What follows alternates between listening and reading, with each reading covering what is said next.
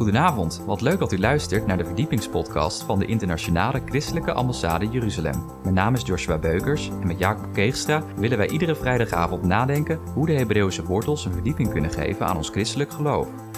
Wij trappen af met een nieuwe Bijbelserie, Jezus, de Messias van Israël. In deze aflevering gaan wij luisteren naar Jacob Keegstra, die het gaat hebben over Jezus de profeet. Wij wensen u veel luisterplezier. Ik ben zo bevoorrecht met een bestuur die alles voor mij doet. De hele aankleding, mensen die heeft Willem qua operations en Ankemaat qua creativiteit. Vindt u het niet geweldig hoe dit allemaal alweer met banieren om ons te brengen voor de troon en de aanwezigheid van de Almachtige. En ook Jan is een bestuurslid die vooral het gebed hoog in het vaandel heeft. Daar zijn we zo blij mee. Maar nu uh, gaan we aan het werk, hè? Dus uh, het openen van Gods woord verspreidt licht. Dus we gaan naar het werk. Want het is een studieweekend. Dus ik hoop dat u een Bijbel hebt meegenomen. Die van mij lag hier al even op het podium, dus uh, komt helemaal goed.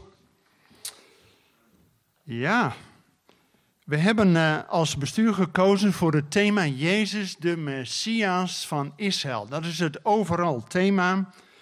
En die proberen we in een aantal onderdelen dit weekend met u ja, door te nemen, zodat we dat allemaal vanuit verschillende hoeken mogen belichten. Vanavond Jezus de profeet. Ik moet zeggen dat dat een nieuwe preek voor me is. Want daar wordt niet zoveel over gesproken. Morgen vroeg Jezus de priester, de hoge priester. Dat is natuurlijk wat het bekender thema, zeker als we ook het avondmaal hebben gevierd. Dan zaterdagavond Jezus de koning. daar gaat het om. En dan zondagochtend gaan we het hebben over Jezus de bruidegom. Nou, ik moet zeggen, op deze conferentie drie jaar geleden was dat een openbaring voor mij dat het kwartje viel Jongens, ook Jezus is de bruidegom. Wauw. Daar wil ik graag met u zondagochtend over nadenken. Dat is een geweldige boodschap. Maar vanavond het profetische getuigenis over Jezus en Jezus als de profeet. Bent u er klaar voor? Nou, toen ik in de voorbereiding, ik werd in wezen weer even stilgezet. Want uiteindelijk gaat het eerst om God, die de profeet is. Want wist u dat heel het woord van God profetisch is? Er staat bijvoorbeeld in Amos, hoofdstuk 3, vers 7, dat God niets doet zonder het eerst met zijn knechten de profeten bekend te maken. En zoals er staat in Jesaja 44, vers 6, God is het begin en het eind en er is geen andere God. En als we net die tekst uit Amos 3, vers 7, dat God niets doet dan had hij van tevoren dat aan zijn knechten, de profeten, bekend maakt. Nou ja, dan moet je toch direct denken aan wie is nou de knecht Gods? Dat is Mozes. Zoals Abraham de vriend van God wordt genoemd, Elia de man Gods, David een man naar Gods hart, en Jezus de Zoon van God, zo wordt Mozes de knecht Gods genoemd. En als hij een van die knechten is van God, die een profetisch woord mag hebben, betekent dat we de eerste vijf boeken uit de Bijbel, de Torah, die helaas sommigen vertalen met wet, is gewoon voorschriften die profetisch zijn. En als er ook in Deuteronomium 18 staat, waar Mozes zegt, God zal een profeet uit uw broederen doen voortkomen, zoals mij, zoals Mozes. Hoort naar hem. Dus Mozes met die vijf boeken van Mozes, de Torah, verwijst naar de Messias. En hoe weten we dat nou? De kern van de Torah, die kent u ongetwijfeld. U weet, het Hebreeuws is vrij structureel en gestructureerd opgebouwd. Begint met Genesis. En hoe ging de rest ook alweer?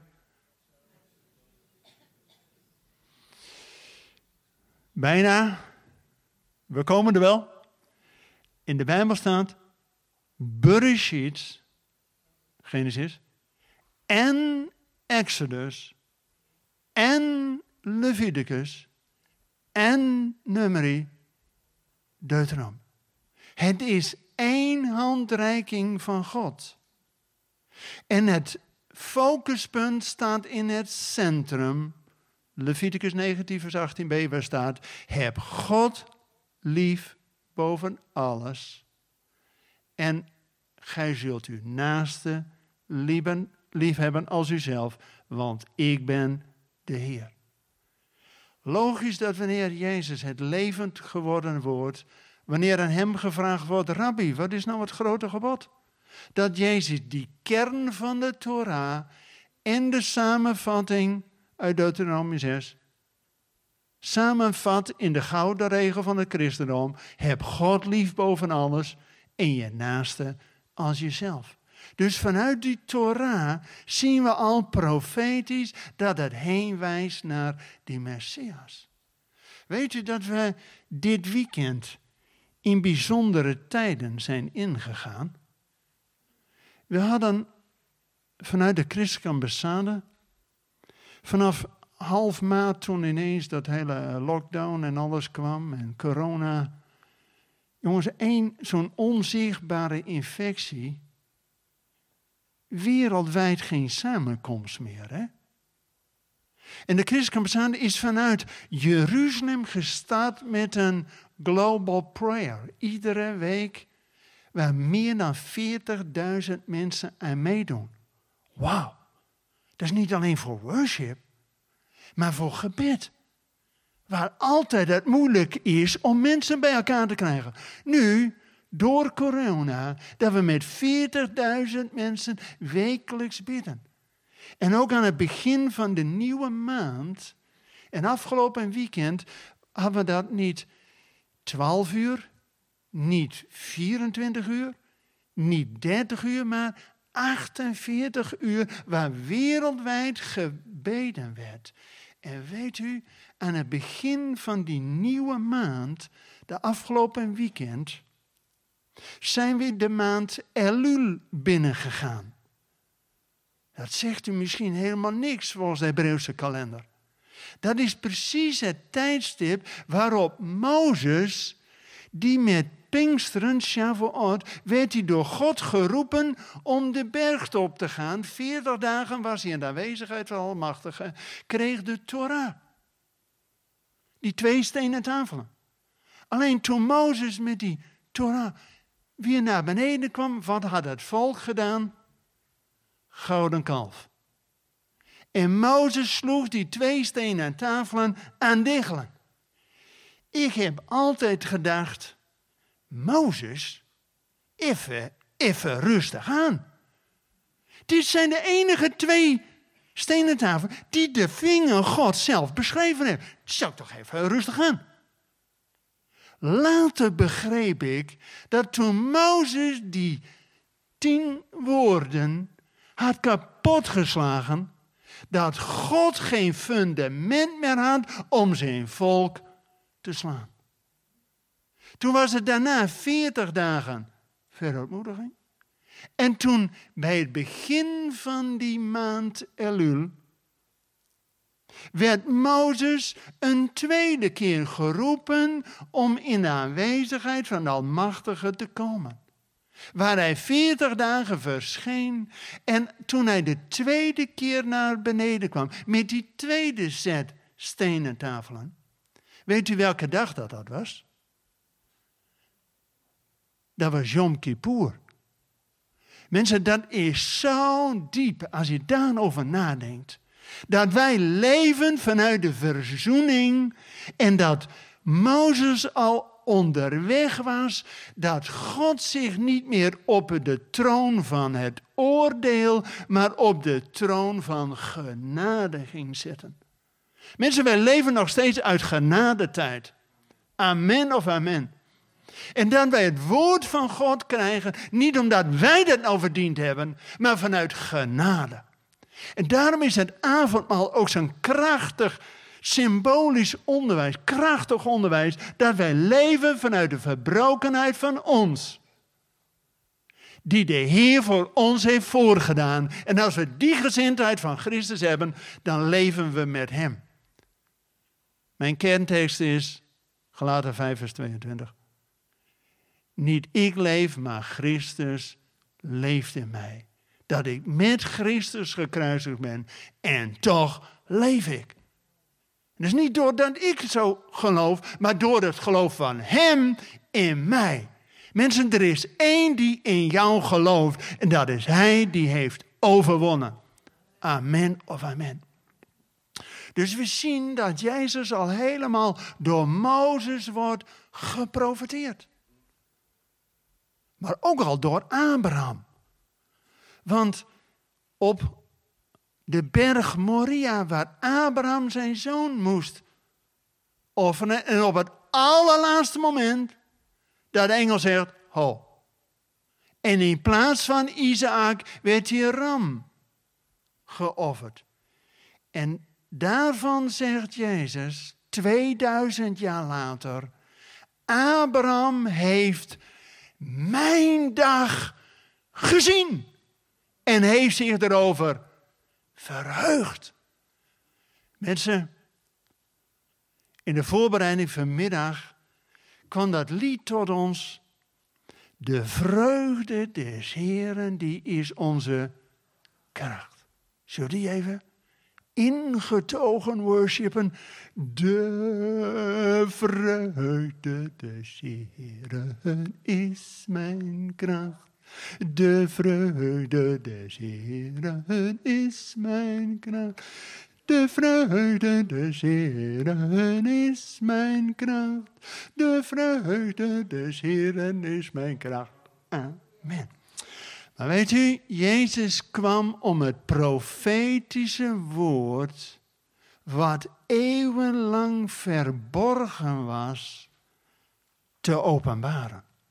En dat lezen we in Romeinen 15, het laatste gedeelte. Romeinen 15, het laatste gedeelte, waar staat, nee, uh, Romeinen 16, vanaf vers 25.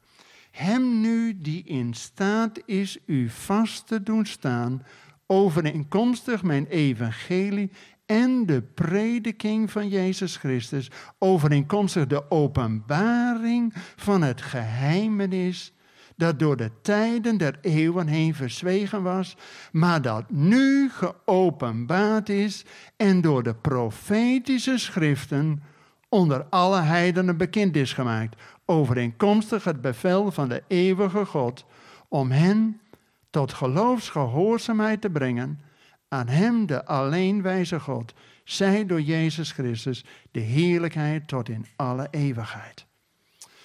Mensen, het woord van God is profetisch, niet alleen tot aan Jezus, maar ook Jezus is zelf de bekendmaker van de geheimenissen van God. Weet u, Jezus moest ook aansluiten bij alle profeten uit het eerste verbond. Niet alleen de vroege profeten, zoals Jozua, die dezelfde naam heeft als Jezaja en als Hosea en als Yeshua. Jozua, die nieuwe leider, waar Mozes hen ja, door de woestijn heen kon leiden, maar nog niet het beloofde land in. Er was die Jozja, die nieuwe leider, die het volk het beloofde land in bracht. En het eerste wat ze gingen doen was Pesach vieren, avondmaal. Zo mogen wij ook met het volk van God Pesach vieren en het beloofde land binnengaan. En Jezus is niet alleen op die vroege profeten geënt, maar ook op die grote profeten. Jezaja, nou Jezaja 53 is duidelijk, maar ook die, die geweldige profeet Elia. Dat notabene Mozes en Elia bij Jezus komen op die berg der verheerlijking om met hem te spreken over zijn exousia, over zijn uittocht die hij te Jeruzalem gaat doen. Dus Mozes en Elia, wet en profeten, omringen de Heer om zijn weg te gaan. Maar ook in de geschriften. Kijk naar de psalmen. Hoeveel messiaanse psalmen zijn er wel niet?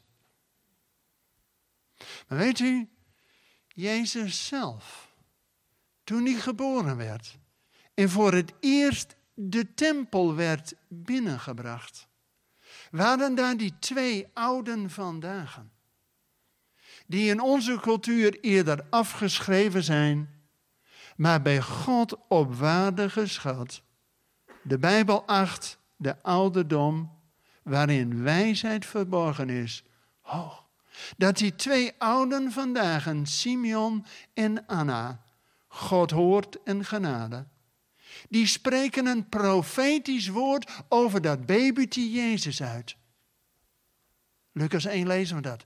Waarin staat, hij zal zijn tot hier, tot een lamp, voor, een licht voor de heidenen. En hij zal zijn tot heerlijkheid voor zijn volk Israël. En de laatste is voor de verlossing van Jeruzalem. En weet u dat Jezus, die de Messias van Israël is, in het eerste verbond zijn tien dingen geprofeteerd over die Messias. Weet u hoeveel Jezus bij zijn eerste komst vervuld heeft? Acht. En er is geen mens op aarde die het ooit tot acht heeft gebracht. Jezus is de eerste die van de tien voorwaarden van de Messias acht heeft vervuld. En waarom wordt Jezus nu nog niet als Messias in Israël erkend? Ja, omdat hij die laatste twee nog niet heeft vervuld. Wij hebben het als christenen makkelijk. Jezus kwam de eerste keer om voor ons te lijden. En ik kom de tweede keer om op de troon van zijn vader David te zitten. En dan zal hij koning zijn en er zal er vrede op aarde zijn. Dat zijn juist die twee onderdelen van de Messias die Jezus de eerste keer nog niet kon vervullen. Omdat de tijd van de heidenen nog niet vervuld was. Jezus moest eerst ook nog een licht zijn tot openbaring voor de heidenen. En weet je, het evangelie is vanuit Jeruzalem naar Klein-Azië, naar Europa. Met Columbus, een bekeerde Jood, naar Amerika gegaan. Het is inmiddels aan de andere kant van de wereld de grootste kerkenstern in Zuid-Korea. Inmiddels is China aan de beurt. India. Weet u dat nu het front van het evangelie in het Midden-Oosten ligt? In Iran komen duizenden en duizenden nu tot geloof. Mensen, de cirkel is bijna rond dat het evangelie bijna back to Jerusalem is. En ondertussen gaat God al verder met die tweede fase. Heerlijkheid voor zijn volk Israël. Na 2000 jaar verstrooiing dat God zijn volk weer bijeenbrengt en in twee fasen dat doet, zegt het woord van God. Hij brengt ze eerst terug fysiek. En dan zal hij zijn geest over hen uitstorten. En dan wordt Israël tot een volk van Juda. En Juda betekent Godlovers. En daarom is ook deze conferentie dat we tijden van gebed willen inlassen om ook juist die profetieën van Ezekiel door te bidden, dat die door de doodsbeenderen, nou, De holocaust, dat was een en al dorre doodsbeenderen. Maar ineens daarna, 1948, dat God het volk weer op zijn benen doet staan. En weet je nu door de coronacrisis dat wij wereldwijd vanuit de Jeruzalem als christenen gaan bidden. En er komt een woord, een profetisch woord tot ons. En dat is uit Jesaja 60, waar staat: Arise and shine. Sta op, word verlicht. Want de heerlijkheid des Heeren gaat over u op. En direct ook daarbij, duisternis zal over de aarde komen. Mensen, corona is nog maar een begin hoor. We kunnen ons beter maar wapenen. Het speelkwartier is voorbij. We krijgen nu een schifting wie ervoor gaat en wie door lauwheid afvalt. Mensen, als je straks een jaar lang gewend bent om gewoon lekker uh, vanuit je uh, luie stoel op zondagochtend tien uur de tv aan te doen. Nou, mooi. Hartstikke mooi, die techniek, hè? Maar ja, als het straks weer mogelijk is om fysiek bij elkaar te komen. Och, waarom zou je dat doen, jong? Knip ik zit wel lekker vanaf de bank. En ah, dan heb je om tien uur, ach ja, komt iemand voor de koffie. Nou ja, dan doen we het vanavond wel.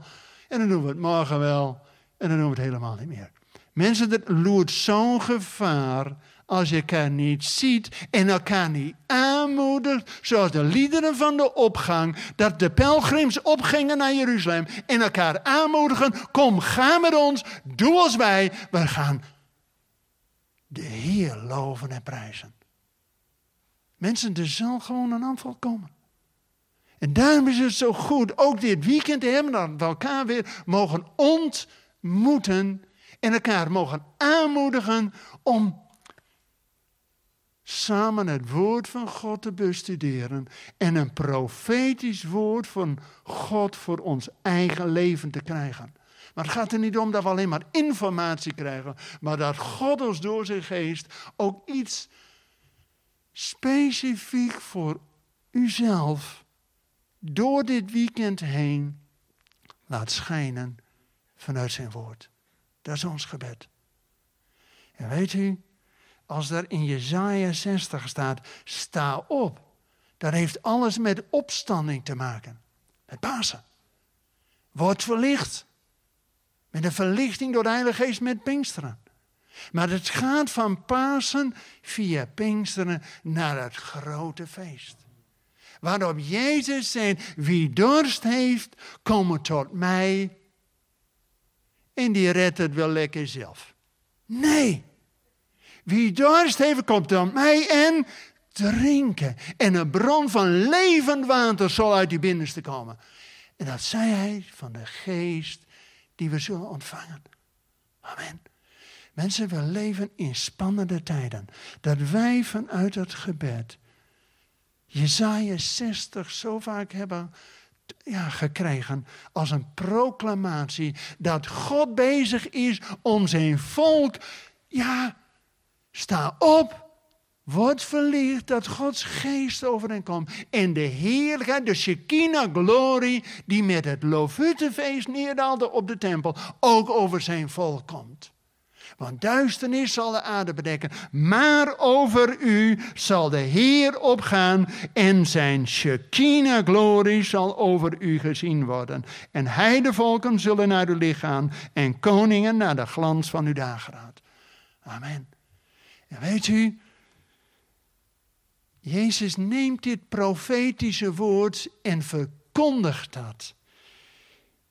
En ik wil eindigen met een laatste profetisch woord uit de mond van Jezus zelf, waarin duidelijk is dat Hij de profeet is. Hij moest aansluiten, zoals ik al zei, bij die grote profeten, Mozes en Elia. Elia, mensen, was de eerste mens die iemand uit de dood heeft opgewekt, hè? Wauw! Als dat geen profetische daad is, dan weet ik het niet meer.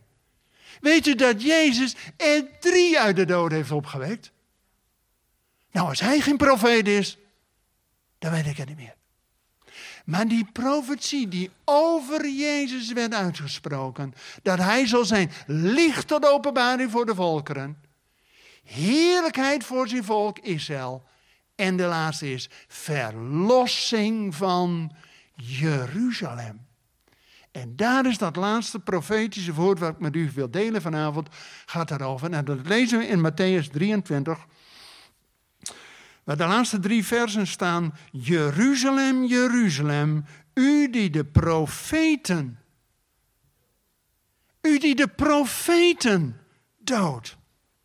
Dan heb je geen hoop meer, hè? Als het profetische woord er niet meer mag klinken, een volk gaat ten gronde door gebrek aan kennis van het woord van God. En de profeten laten licht schijnen over dat profetische woord van God.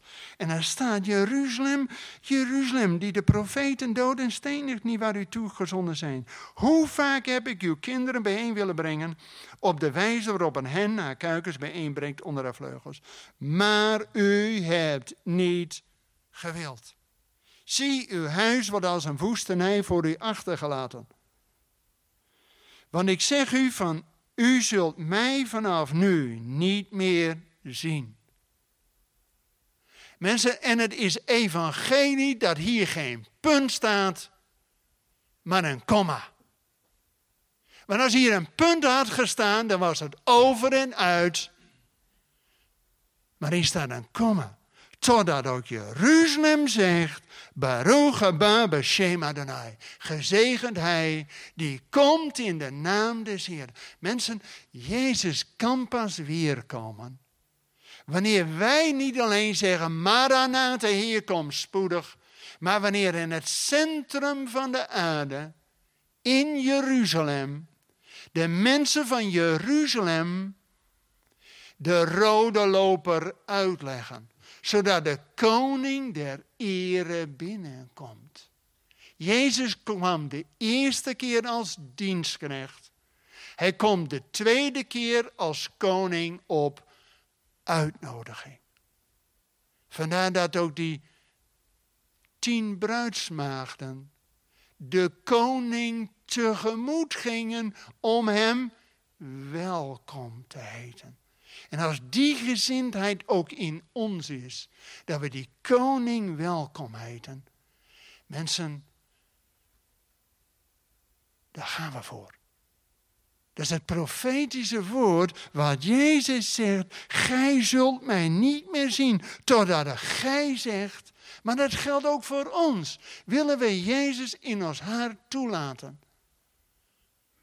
Wanneer ook wij zeggen, gezegend bent u. Dat u ook mag komen in mijn hart. En op de troon van mijn hart mag gaan zitten. Ik wil graag Jan weer uitnodigen om ons te leiden in gebed voor Israël en speciaal voor Jeruzalem.